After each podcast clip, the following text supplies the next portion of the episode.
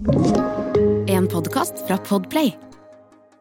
Denne uka så har Romkapsel fått seg en sponsor, og det er astronomen.no. Dette kjenner du til, Eirik?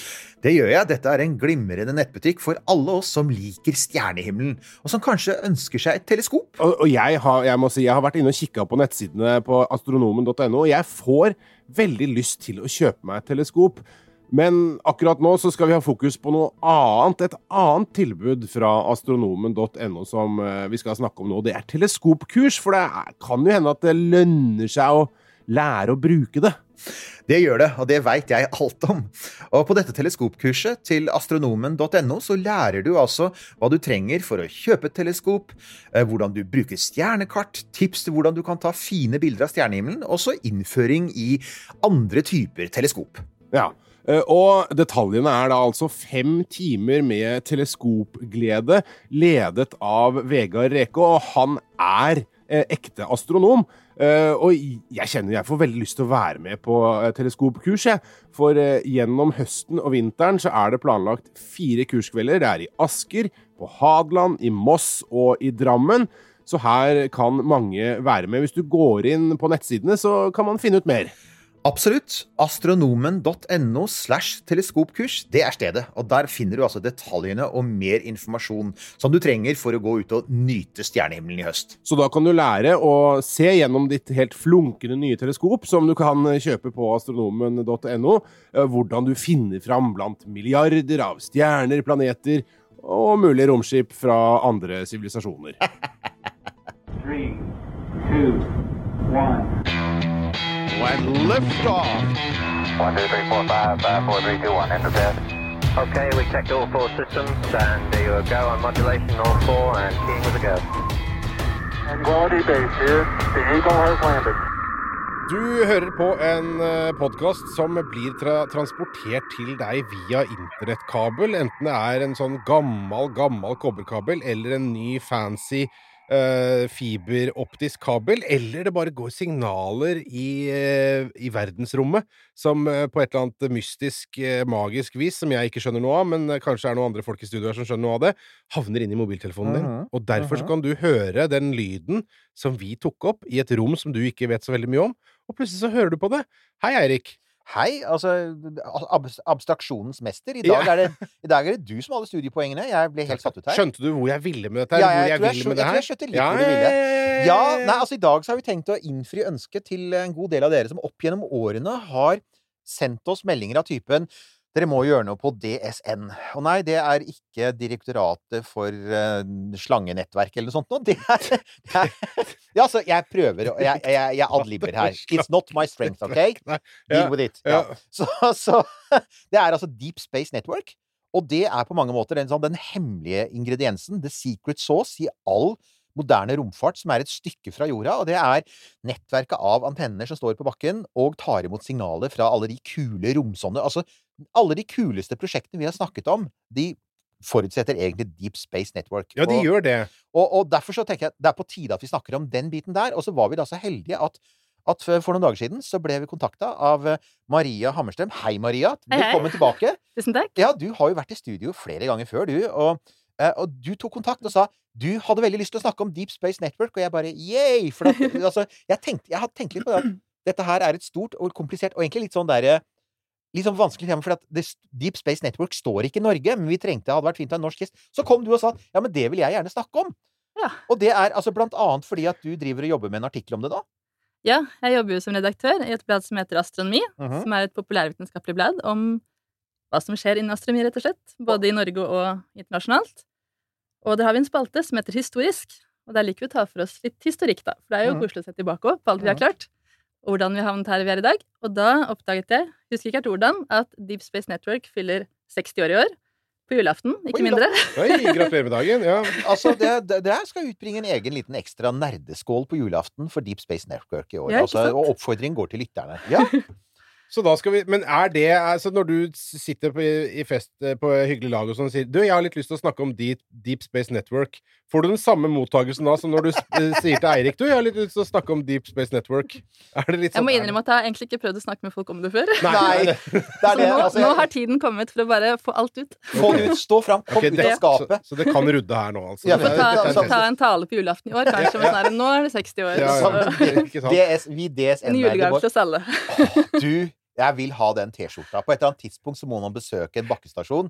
Har du, for du har vært Har ikke du vært på oh, nei, jeg bare kom på å ringe på dører. Jeg, jeg, har du lyst til å snakke litt om Deep Space Network? ja, ja. ja. Gå sammen litt penger, kanskje. Prøv det. ja prøv det.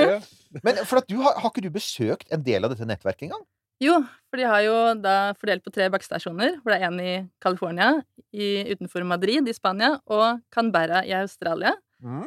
Og, mens jeg studerte astrofysikk på Blindern, så prøvde jeg å fylle sommeren med produktive ting, for jeg tenkte at jeg skulle bli forsker. Mhm. Jeg ble jo ikke det, da, men jeg tenkte fortsatt da. Så da fikk jeg praksisplass. Velkommen i klubben. Ja. ja. Så da fikk jeg praksisplass i Sydney, Australia, hos eh, Australian Astronomical Observatory. ja. Som ikke er et observatorium, men en slags institusjon for, som samler så mye av Mm. astronomiaktiviteten i Australia. Og mens jeg var der, så eh, fikk jeg besøk av kjæresten min, og vi dro på roadtrip en uke. Så jeg prøvde å finne hvilke kule steder det går an å besøke i Australia. Og selv om du kjører så mye du kan hver dag en uke, så har du nesten ikke sett Australia. Nei, Men, nei, nei. nei, nei, nei. men vi kom oss i hvert fall til Canberra, hvor eh, dette, den ene bakkestasjonen er, da. Eh, Nå er det ikke sånn at man kan gå rundt og se på teleskopene. Altså, du kan jo stå utenfor et gjerde og se at der står antennene, men de har også et besøkssenter. Mm. Som jeg da, dette var i 2015, tenkte at det her så litt gammelt ut. Ja. Så jeg håper det har skjedd noe siden. Men Ja. det var jo ålreit. Men, men, det er jo interessant, da, for at, som du sier, hvordan er det Og det, vi kan jo starte med det. Altså Deep Space Network er da, som sier, et nettverk av antenner. Ja. Hvordan ser de antennene ut? Hvordan så dette anlegget ut da, når du står der og ser på det? Hva, det er det Altså Når du tenker sånn svære parabolantenner, er det det vi snakker om her? Ja, de har eh, Alle disse tre bakkestasjonene har én kjempestor antenne som er i 70 diameter. 70 meter? 70 meter i diameter. Ja, ja. Eh, og så har de flere små antenner som er 34.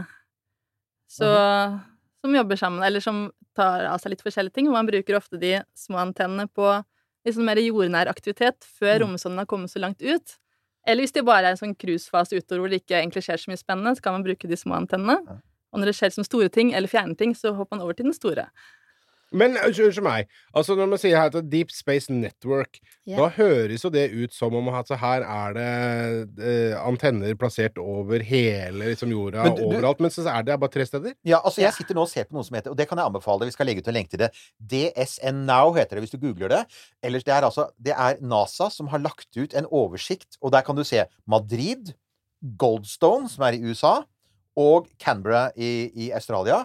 Og jeg kan nå sitte og se live på hva de driver og tar imot. Så for eksempel Goldstone sluttet nettopp å kommunisere med James Webb. Uh, og så er det Oi, Så oi, Okay. Ja, ja. Mens Madrid kommuniserer med Mars Reconnaissance Orbiter. Og mens Canberra har begynt å snakke med James Webb. Det er så Og- koselig. Jeg pleier ofte å gå inn der hvis jeg har litt sånn kjedelig tid på dagen. Ja, ja, ja. Alt er Så så, dølt. Og så Ja, går jeg inn der og bare Å, nå Så- får vi beskjed fra alle kanter av solsystemet. Ja, ikke sant? Det er akkurat det. Og de overfører data. Så det er jo så utrolig kult å se. Og, og du kan klikke inn på de forskjellige instrumentene, og du kan da klikke inn og se på, så får du litt mer data om hvor de står hen og sånn, ikke sant? Men som du sa, det er tre forskjellige steder på jorda. 120 grader cirka mellom hver. Forklar hvorfor. Ja, poenget er at en romsonde der ute alltid skal kunne kommunisere med en av dem. Ja. Så da er de som spredd ut at de alltid ser én, noen ganger to, som man alltid har noen å ringe hjem til, da, kan man si. Ja. Eller noen å sende beskjed ut fra. Fordi vi bor på en klode som snurrer. Og det så er er de det. også plassert litt forskjellige lengdegrader, sånn at vi de kan hva- se litt forskjellige retninger. Akkurat, for det er det jo. Fordi at Canberra er langt sør, ja. Goldstone Mm. er lenger nord. Og Madrid Ja, akkurat, ja.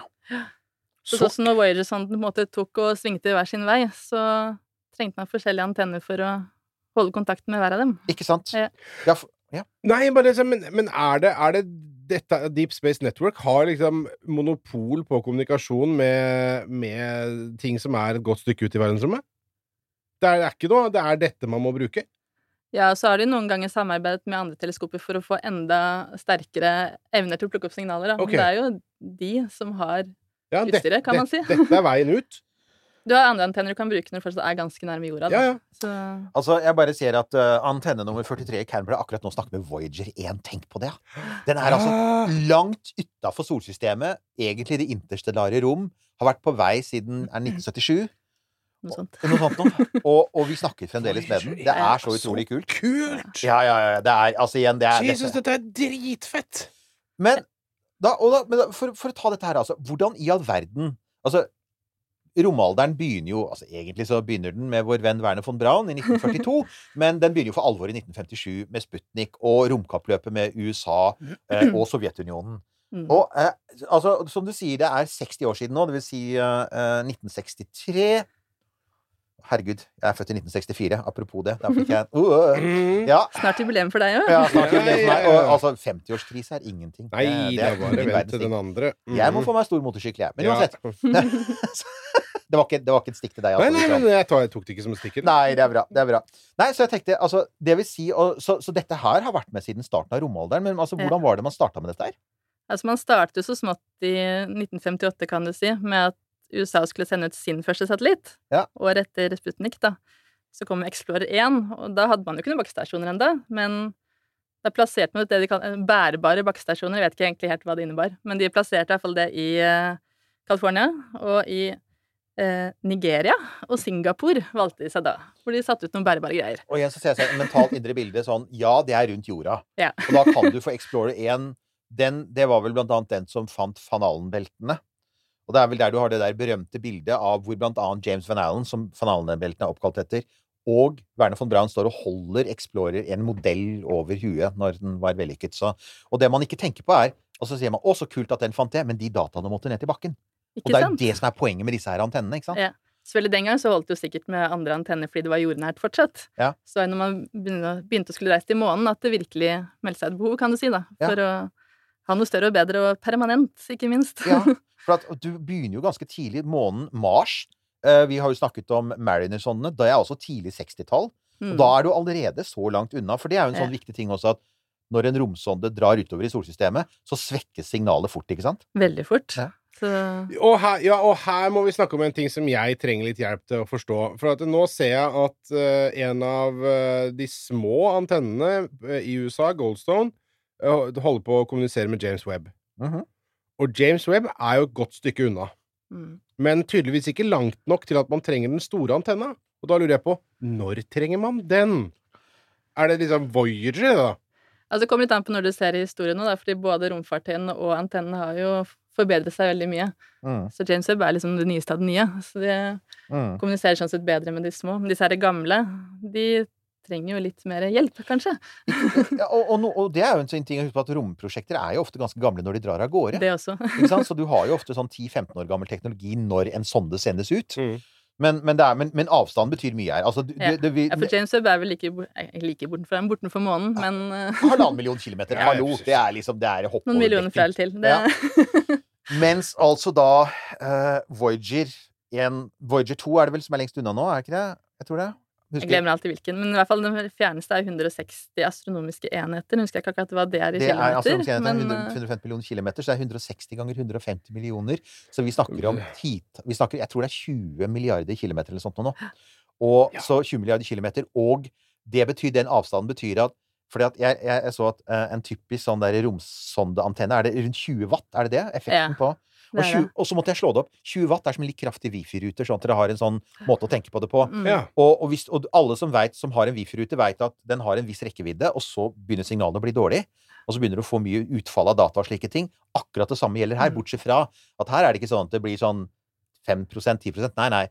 Hvor, hvor, hvor, hvor, mye er det det blir, altså hvor mye er det det reduseres med når det kommer ut Jeg husker ikke akkurat tallet, men det var jo sånn en milliard, milliarddel Ja, eller noe sånt. ja, noe sånt. Det er jo helt forsvinnende. Det er, lite. det er helt vanvittig.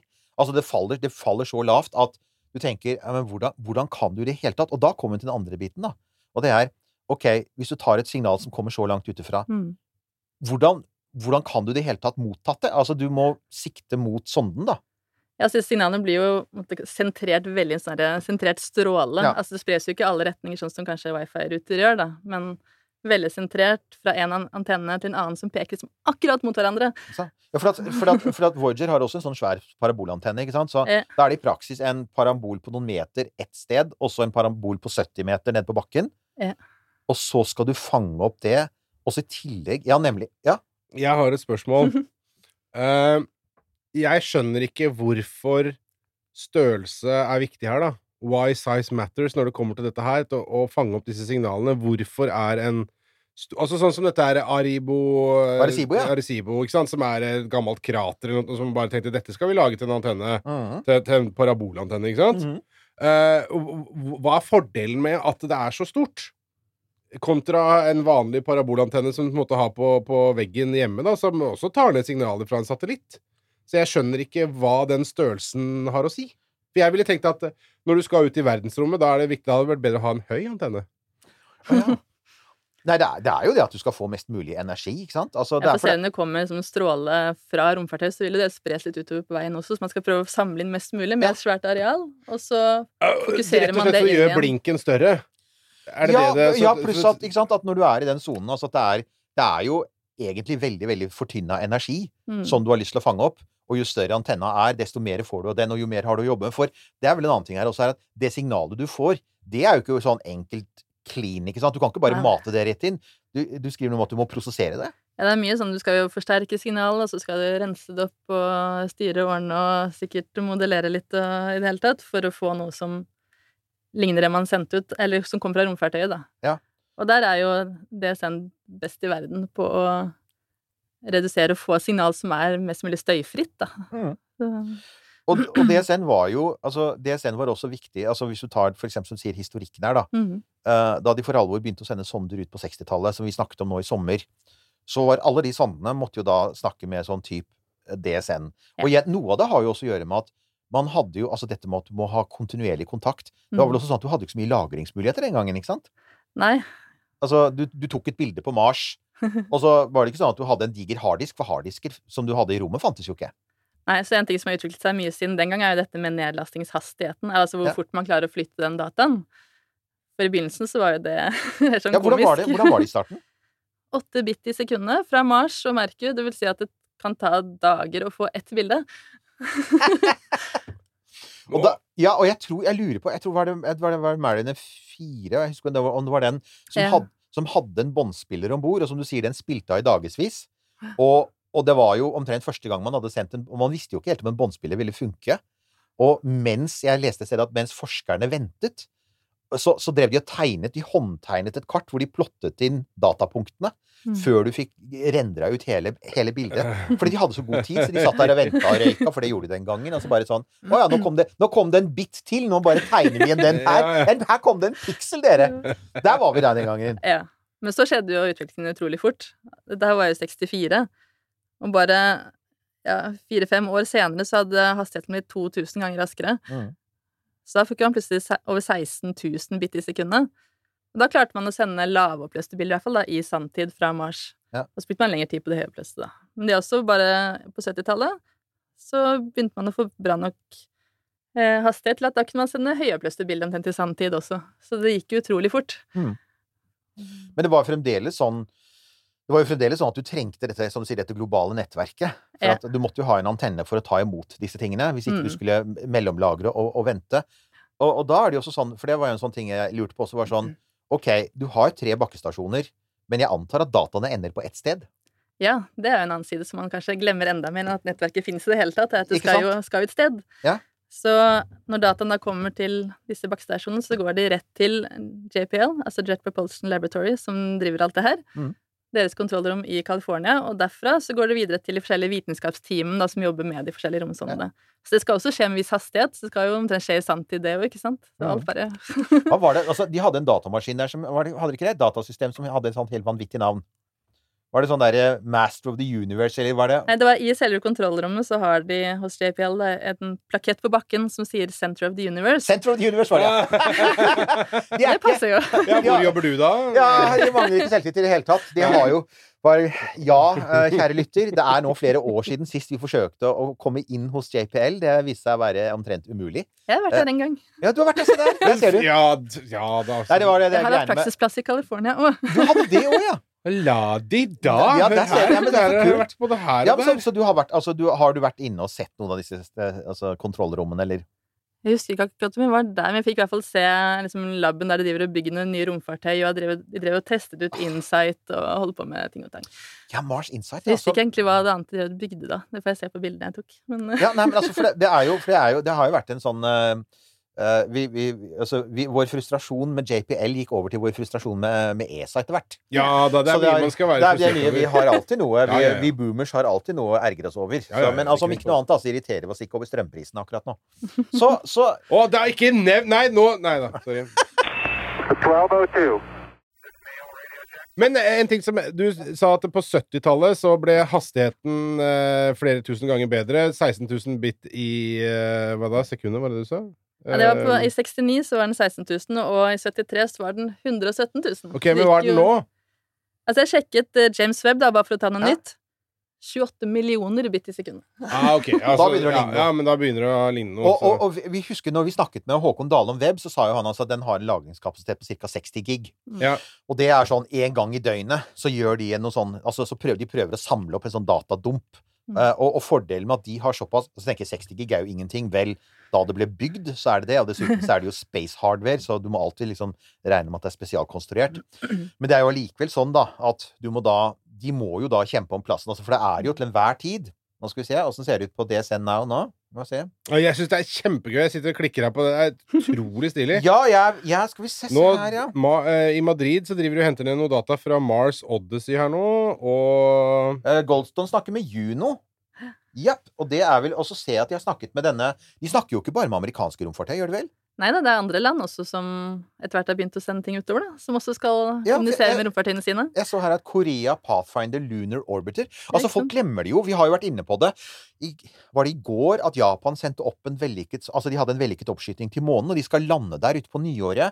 Korea har sendt. India sender. Så, så det er jo Altså, det Og så når er ESA sender òg, selvfølgelig. Så må Ja. de også så, så det er jo Så det er jo Det begynner jo å bli ganske Du, jeg så at du Og så var vel også Altså, Deep Space Network var vel også delvis involvert i Apollo-prosjektet, var det ikke det?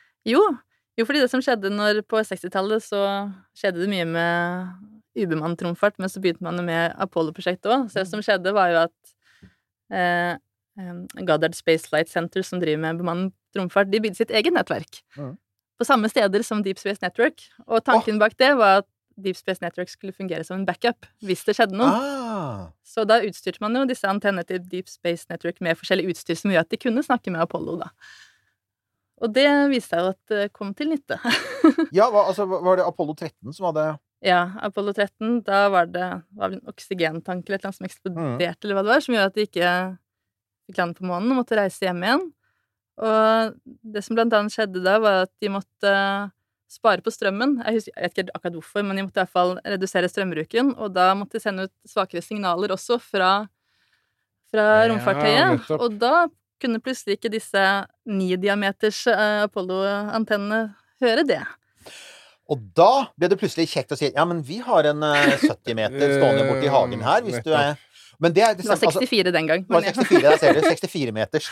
Um, for det var jo Altså, hvis du ser filmen, som faktisk er ganske presis på det det, det den sier, er jo at de mister mesteparten av strømmen fordi at mesteparten av strømmen var drevet med brenselceller. Mm. Og oksygenet lakk ut, så du hadde ikke lenger noe oksygen til å produsere strøm med hydrogen fra brenselcellene. Så du hadde bare batteri. Og Mm. det var blybatteri. Det var jo lenge før du hadde litium-ion-greier. Det var konvensjonelle, gamle blybatterier, og de hadde ikke mye De hadde ikke mye liggende der. Altså, det var ikke mange wattimer som lå der. Så, så halve filmen er jo bare at de prøver å si liksom Hvordan kan vi spare nok strøm til at vi kan tenne eh, vi, vi kan, At vi har strøm nok til at vi kan antenne disse eh, kapslene som gjør at fallskjermene åpner seg. Ikke sant? For hvis ikke, så krasjer vi. Og, så de måtte spare strøm til det. Mm. Og da endte det opp med, som du sier så, Men det de ikke nevner i filmen, er det du sier her. Som er at du måtte jo også gå ned på antennekapasitet. Selvfølgelig. Du kunne ikke ha high gain, du måtte ha low gain, og da Mm. var det plutselig 64-metersantennene som Ja, de kunne vel høre litt med de små DSN-antennene som var eh, 26 meter, eller hva det var da. mm. Men med den store så fikk de såpass tydelig kommunikasjon at Og når det er en krise, så vil du gjerne kunne kommunisere tydelig. det er litt betryggende. Og så påpekte du at altså, det fins en, en veldig søt australsk filmnarrativ som heter The Dish. Som er, altså, som er uh, bas, bas, løselig basert på historien til Parks radioteleskop, som ikke er en Mm. del av DCN. Men, men er det i samme område, eller? Ja, jeg var innom der òg, så Ja. jeg husker akkurat hvordan geografien, men Det er en veldig, det er et den delen av Australia. Det er et veldig sånn kult, eh, gammelt anlegg. Og Det er en kjent YouTuber som heter Tom Scott, som besøkte det for ikke så lenge siden. Og han går faktisk Han får lov til å gå på den der edition de, mens de driver og vrir på den. For, at, for, at, for det er en interessant ting, da. Det må vi ikke glemme. Et viktig moment i den filmen som, som er verdt å se. Den handler om hvordan Parks-teleskopet faktisk tok imot noen av de beste bildene fra månen fra TV-sendingen. Så det var ikke Deep Space Network. Det var jo da eh, live-TV-sendingen av månelandingen, fordi amerikanerne ville jo gjerne da vise fram dette, og så, så, så det, Men problemet var at på Parks så, så begynte det å blåse. Det kom plutselig kraftig vind, og så ble de veldig redde for at, disse her, at antenna rett og slett skulle ikke fange opp signalene, ikke sant? for at det ville jo da begynne å vippe. Og det, var det, som, og det minnet meg på noe du også skriver om, og det er at det er jo mye finmekanikk her også, ikke sant? Ja, bare det å skulle styre teleskop, eller en stor antenne, er jo avhengig av vær og vind nå, da. Ja. Som kan For det er som et svært seil. Altså digert vindfang, ikke sant? Altså, og når det blåser, så Og du skal jo peke med en presisjon på under en grad, ikke sant? Så det er Mm. ikke mye å gå på i slingringsmonn der. Ja, så den, den, kan, den kan absolutt anbefales. Veldig mye sånn der 60-tallsteknologi der. Igjen så er det sånn derre The Dish, the dish. The Dish heter den rett og slett, ja. Dish. Det er ikke en sånn kokke... Nei, det er ikke det. Nei, og, og det er vel antagelig fordi at altså nå kan ikke jeg si, snakke med Er det noen her som kan snakke med australsk aksent? For de sier jo selvfølgelig ikke 'the dish'. Det er jo Nei, jeg vet ikke hva det, er. Ja, de sier sånn 'good day, mate'. Grei, ja, The dish, altså, ja. Kangaroo Kangaroo, the ja. dish. Ja. det er det de sier. Det er sånn. Man sier vel gjerne dish om radioantenner på engelsk. Ja. man, Ja, man gjør dish, det i det hele tatt, ja. Så, Ja, ja. ja. Men altså, jeg sitter og tenker på en ting her nå. For at, OK, uh, Deep Space Network uh, kommuniserer med veldig mange forskjellige uh, ting ute i verdensrommet. Men kontra da eksempel eh, de tinga som står på Svalbard, KSAT. sånn, hva, hva er det Deep Space Network ikke gjør? Som da eksempel Du ble, ble nevnt et annet eh, noen andre radioteleskoper her også, og eh, altså hva, jeg har jo hørt hele tida at på KSAT så tas det ned masse data fra oh, ja, sånn, ja. Men hva er, det, hva er det Deep Space Network ikke gjør, da? Altså, ja, altså, den er jo ikke involvert i sånn den er, Det er jo en annen type satellittdata, er det ikke det? Ja, så det er jo jordnære satellitter som går bare rundt jorda. Ja, det kan alle disse andre ta imot. Og Ja, så bruker man Deep Space Network til det som det er, er reise vekk. når man virkelig mener det. Ja. Ja. Og det er vel akkurat det samme for eksempel, typ sånn, Den internasjonale romstasjonen er vel det samme. Altså Ja. at Den kommuniserer også med altså For den er såpass nær. Ja. Og der har du det samme igjen med at om du har en 22 watt sender 400 km over bakken, og en 22 watt sender 20 milliarder km unna er, hva, hva, er det? Det er én over kvadratet av avstanden, så når du Mm. kommer dobbelt så langt ut, så blir det fire ganger svakere, og ti ganger så langt ut, så er det 100 ganger svakere. Så, så det faller med voldsom fart. Mm. Så, men, men motsatt så betyr det at hvis du er ganske nær jorda, så kan du klare deg med ganske lite utstyr. Og det er vel faktisk sånn, altså, jordnære objekter Altså, Sputnik ble jo fulgt med vanlig amatørradio. Ikke sant? Altså, helt vanlig sånn PR-radio kunne du jo fange opp sin. Og jeg, jeg tror til og med det er amatører i USA som gjør det den dag i dag, som følger en del av sendingene fra romstasjonen. Så, så det, er, det er sånn relativt uh, greit. Så det er, det er heller det der når du er på Altså månen og bak månen og Mars og sånne ting. Mm. Uh, men der har du jo altså en ting som man også tenker på her, er jo at det er jo ikke bare sånn at den tar imot. Signalene går begge veier, ikke sant? Ja. Og det er noe av det kuleste med Deep Space Network, er at det også kan brukes til å reprogrammere ting. Ja, og så er det jo der man sitter og styrer romfartøyene, rett og slett. da. Det er jo det, rett og slett, ja. Ja. Underveis. Ja, er Sporer de sånn. og styrer de og sjekker Gir kanskje nye kommandoer og endrer på planen eller endrer litt på ruta eller Ja. Så da, så da er det sånn at eh, For eksempel La oss ta Ingenuity, da. Som Mm. hvis de skal kjøre en eh, liten tur Ja, med hvis vi skal Inge- kjøre en test med Ingenuity, ja. Da er det signaler som går gjennom Deep Space Network Mm. til, eh, til Mars. Ja. Ikke sant? Og så er det jo gjerne Og på, på Mars er det jo ekstra morsomt, for at der er det vel sånn at du har Ofte så går signalene ned til Percy via en satellitt i bane rundt, som er relay. Så da er det Deep Space Network, Ja. relé-satellitt, og så Mars Observer eller sånt noe. Eller en, den, jeg tror det er en, e- en, en av disse ESA-satellittene som også gjør mye av det. Ned til Percy, og så bort til Ingenuity. Så ja, den flyturen er kul. Men prosessen fram til flyturen er jo minst like kul for oss som er nerder. Det er fire pings, og alt sammen er sånn Alt skal transformeres og, og forsterkes, og det er jo kjempekult.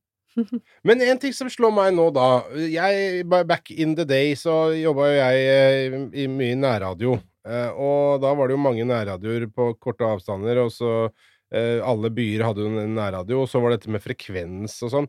Hvordan skiller man altså Ja! Frekvenser, ja. Ja, for dette, hvordan skiller man at dette signalet skal til La oss si at du har noe som er i nærheten av hverandre, da. Sånn at man ikke sender det feil. Mm. Altså, er det, er det sånn det funker? At man har liksom Ja, du er på 107,5, og du er på 108,2? Altså, er, det- er, det- er det sånn det funker? Ja, så de opererer med egne frekvensområder, på en måte. Det har jo også endret seg gjennom historien hvilke frekvenser de har brukt. Eh, Det er jo snakk om gigahertz, da. Ja, ja. I hvert fall i dag. Um, og så det klarer man fint å skille ut fra andre ting. Og det er ikke sånn at det kommer masse frekvens fra rommet som ligner eller forstyrrer. Ja, det det er et interessant poeng du sier, for at det var en av de tingene jeg tenkte, er at når du har et signal som kommer, et utrolig svakt signal som kommer veldig langt unna fra, hvordan skiller du det ut fra Tross alt så er galaksen vår et ganske støyrikt sted, da. Men du sier at i de frekvensbåndene så er det ganske lite støy fra galaksen. Ja, det er sånn jeg har skjønt. At det er, det Ja. er ikke noe annet som egentlig Ja, det er jo bra. kompliserer det. Det blir ikke noe wow. Nei, det, det, det er wow. akkurat det, ikke sant?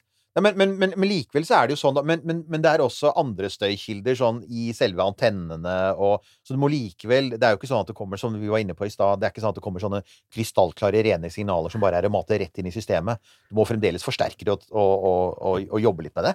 Ja, nå har de jo gjort alt de kan med utstyret som tar det imot. Det er sånn at Nedskjeller det til nesten absolutt nullpunktet, liksom alt sånn her for å forhindre så mye støy som mulig, og hvordan de har plassert disse antennene. At det ofte er, liksom, er litt fjell rundt som skal Ja! Hindre f.eks. signaler fra byene og sånt, da, at det skal lekke inn og sånt. Ja, for radiostøy er et svært problem, ikke sant? Altså, ja, og fordi at selv om du ikke, selv om ikke noen offisielle radiostasjoner eller for eksempel altså noen kommersielle aktører for, normalt sender i frekvensbåndet, så kan du få støy på de frekvensene fra for eksempel elektrisk utstyr, ikke sant? Ja, det vil jeg jo tro. Ja. Det altså den der, det er jo den der klassiske Det, var ikke, det er ikke så lenge siden han Ja, eh, Hvem var det som fortalte om den der eh, lunsjen? Ja, det jeg husker ikke. Jeg husker ikke. Eh, altså, det var, de, no, det var noen Det var under, i høringen i sommer, det.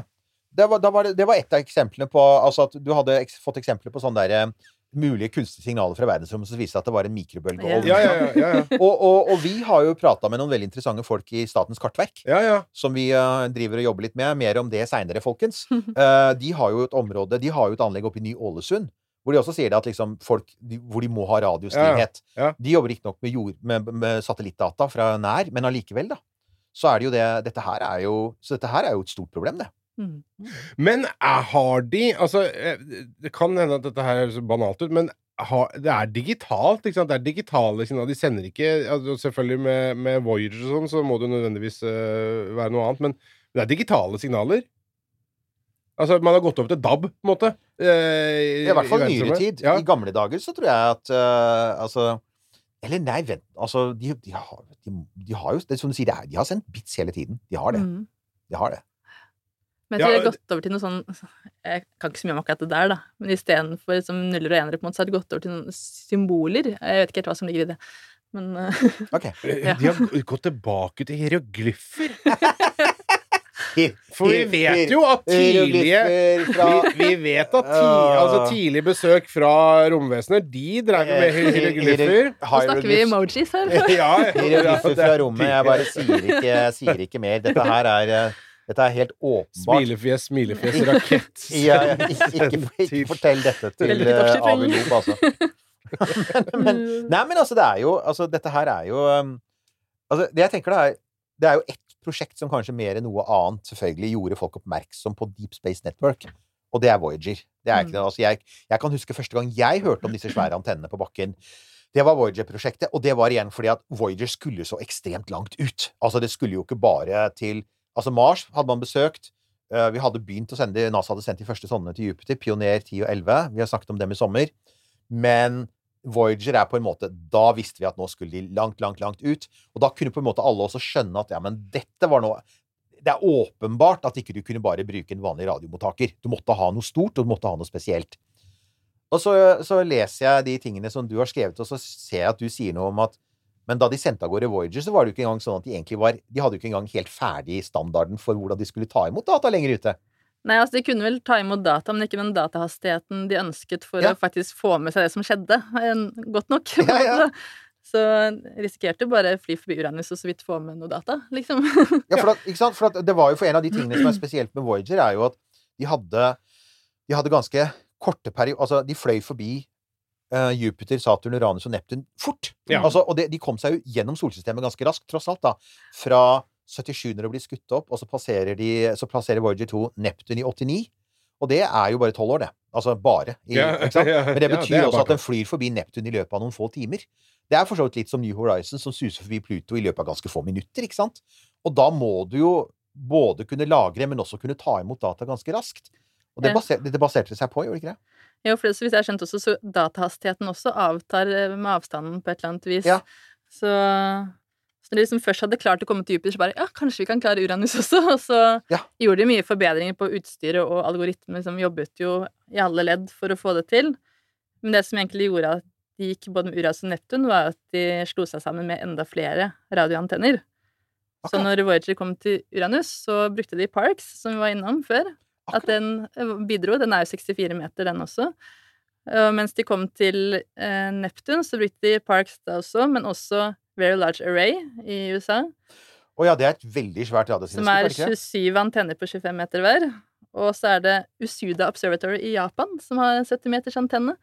Så de brukte alle disse her sammen for å kunne få data fort nok når, Nept nei, når Voyager kom til Neptun. Men var det også da de begynte å snakke om dette med at, at For det var noe med at de hadde begynt å få et sånn standardsystem for hvordan de tok imot data òg, ikke sant? Fordi altså At ikke alle satt med hvert sitt system, men at Deep Space Network også begynte å si at altså for å kunne bidra for oss, så måtte du ha en, liksom en vår pakke. Ja, for i begynnelsen så var det jo JPL som både bygde romsondene, og de hadde radioantenner Ja, ja. på jorda, så de bare hadde jo alt. Ja, ja, det var veldig greit. Det er sånn, sånn kom eh, det jo Det er iPad, det. Og ja, ja. eh, det er Apple-systemet, liksom. ja. Sånn, ja. Mm. My way or the highway, ja. Og så kom det tvert andre romsonder hvor de begynte å spørre om andre tjenester enn det DSN hadde, og så ble det liksom krangel om ah, var det nødvendig, og så, hvordan skal vi løse det her, og så ble det mye rot. Da. Altså, da kom det etter hvert fram til at de måtte definere det her er det Deep Space Network tilbyr, Ja. og så får du velge fra denne lista hva du trenger. på en måte. Ja, det var jo litt sånn passiv måte å gjøre det på. Selvfølgelig, jeg, Kunden har ikke alltid rett. Det, det, men det har man lært i etterkant, at eh, nå skal du ha noe, så skal du få det. Det ligger veldig mye økonomi og effektivitet i det òg, da. Ja, men det gjør det jo. Altså, ja, ja, men, altså, men samtidig, jeg så vel noen tall her, så det er ikke egentlig veldig dyrt i drift, dette her. Altså, det er, noen, det er vel sånn 100-200 millioner dollar i året eller sånt. Altså, I romsammenheng er det jo det er jo et spytt i havet. For eksempel så uh, har jo vi eh, nettopp prata med, med Andøya, ikke sant? Om oppgraderingene som skjer der. Og, og jeg leste et sted at en oppskyting med en av rakettene fra Andøya, altså det uh, ISAR Airspace, Ja. sier er at de regner med at en oppskyting vil koste sånn 100-150 millioner dollar. Mm. Så det er i, og det er, det er en smallsat launcher, ikke sant? Så det er, sier, og det er billig for en rakett. Det er Så- så- veldig dyrt. Ja, altså, jeg, jeg vet For en ikke. smallsat. Jeg vet ikke. Altså, jeg antar at de priser seg inn mot et marked, men Ja, poenget er at, at det, er, altså, det er i nabolaget av det samme som det koster å drifte dette her fantastiske nettverket. Ja, ikke sant? Og jeg kjenner nå at det hadde vært så gøy å vært og sett en sånn antenne. Bare for å liksom ta inn Madrid. Du, du, Madrid, ja. ja. Liksom du, du tar inn ja, du, 70 meter eh, Ja, OK, 70 meter, men det, du får liksom ikke helt sånn Får ikke feelingen av det. Ja, 70 meter, jeg veit omtrent hvor langt det er, men likevel så liksom, det å stå der og ta inn noe sånt nå kunne vært kult. Det vært veldig gøy. Ja, Madrid som akkurat nå snakker med Maven, og med Mars Reconnaissance Orbiter, og med Nå skal vi se Deep Space Climate Observatory De snakker jo med ting jeg ikke engang har hørt om! Deep Space Climate Altså, her gjelder det å sitte og følge med, for plutselig Å, men du, du, du, du! Deep Space Climate Observatory, som har det vidunderlige akronymet Discover! Mm -hmm. oh, det var sånn Men vi klarte ikke å snike inn en i der. Hender det at disse uh, at Hvis man går inn her, så står det sånn uh, NA.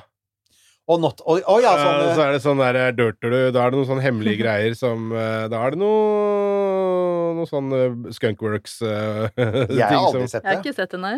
Men Jeg vil tippe da har du et prosjekt i ukene fremover. Ja, ja, jeg Jeg vil tippe at de folka som ikke vi kan si for mye om, for da vil de drepe oss Jeg vil tippe at de sitter på sine egne krypterte nettverk. Jeg vil tippe, altså, For her er vel en annen ting også. Det er at altså Det er jo Altså Deep Space Network er ganske Altså De signalene de tar imot, er jo ikke Det er jo ikke, det er jo ikke hemmelig. Altså, det er jo vitenskapelig rådata. Ikke sant? Så, Mm.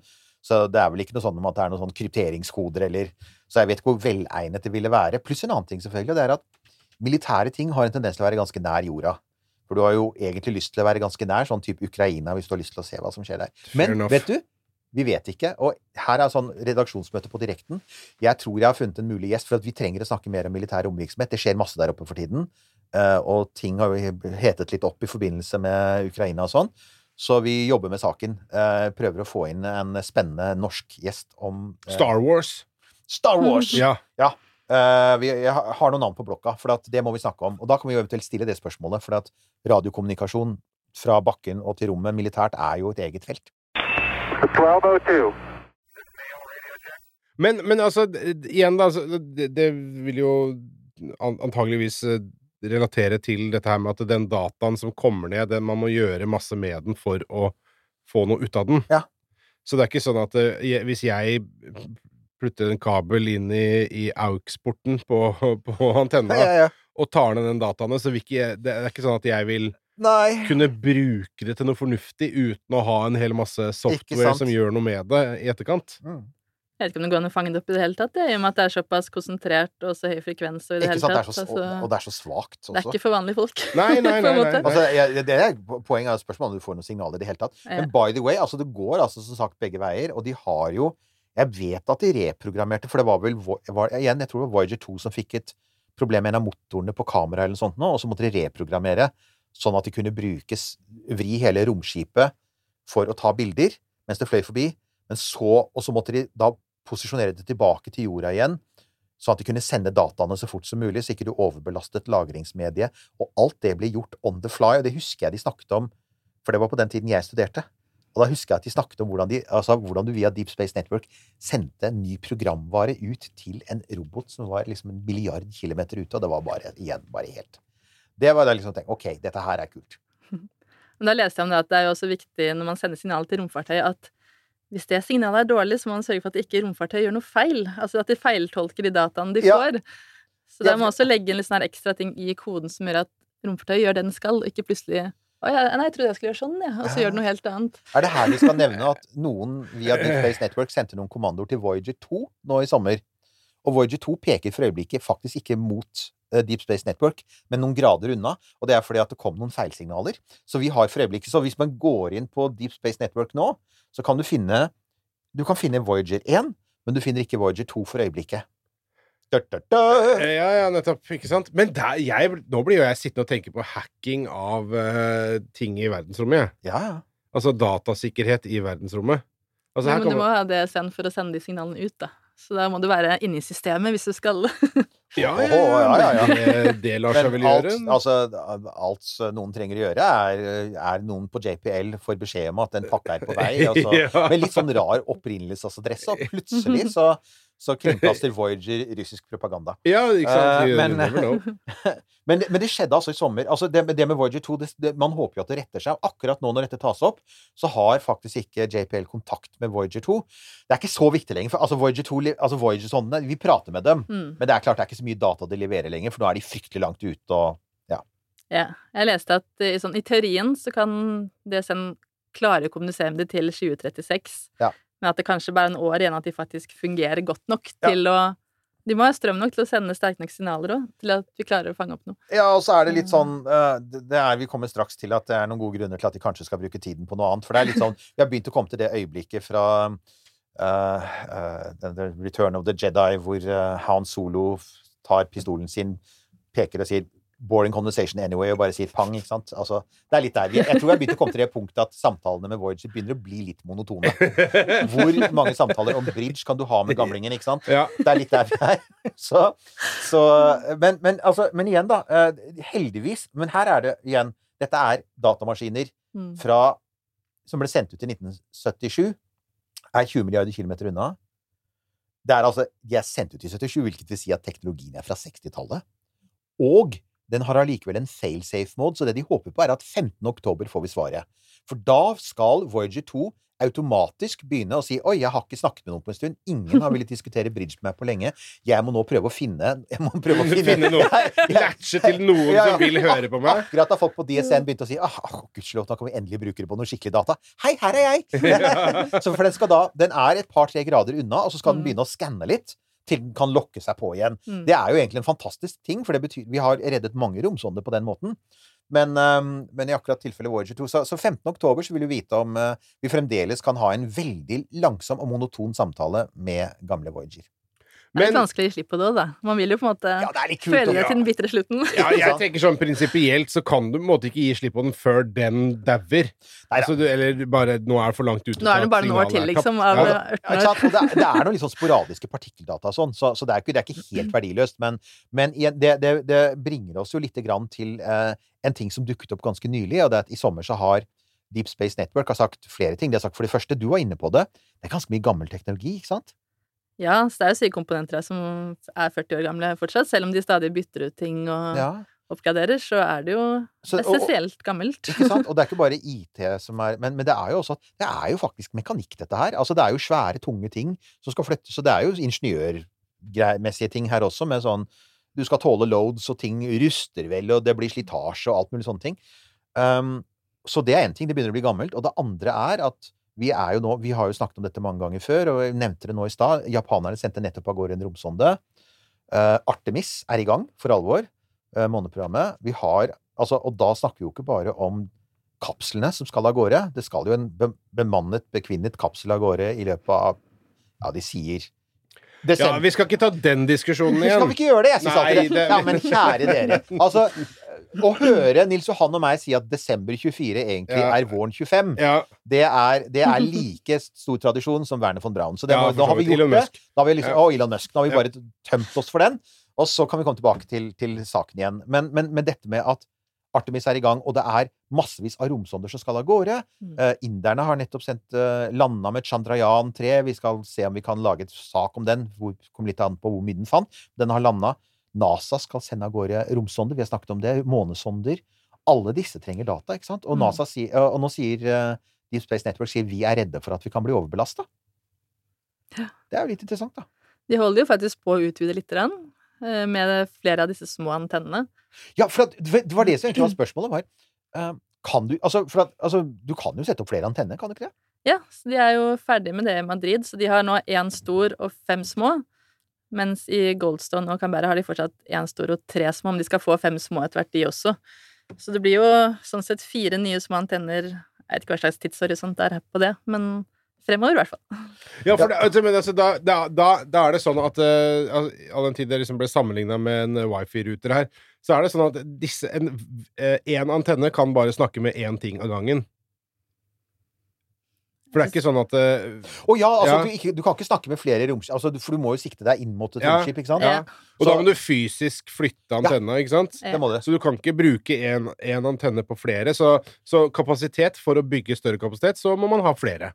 Ja, så må man dele opp tiden i døgnet, ja. på en måte. Og så er det jo også sånn altså, at fordi mange av disse tingene du, du snakker med, er veldig langt ute, så vil det i praksis si for eksempel Voyager er i praksis som stjerner. Altså de står på samme sted i forhold til andre stjerner mer eller mindre konstant, så da er det jordrotasjonen altså, Da er det mer som når du observerer stjerner, at du må kompensere for jordas rotasjon. Ja. Så du må hele tiden flytte antenna for å liksom ikke miste signalet. Uh, og så når det nærmer seg horisonten, så må du på en måte bytte. Jeg sitter og ser her nå. Så jeg sitter og ser her nå. Der er eh, Ja, nå er James Webb har mye på hjertet, da, men det er ikke så rart. Ja, det, De har ca. 60 gig på hjertet hver dag. Ja. Og konversasjonen er mye mer interessant enn Voyager 1, som faktisk snakker med nummer 43 i Canberra. De de har prata lenge, da. Det er fascinerende. Er det Altså, det må jo ha litt med Altså, vi veit at James Webb sender masse data.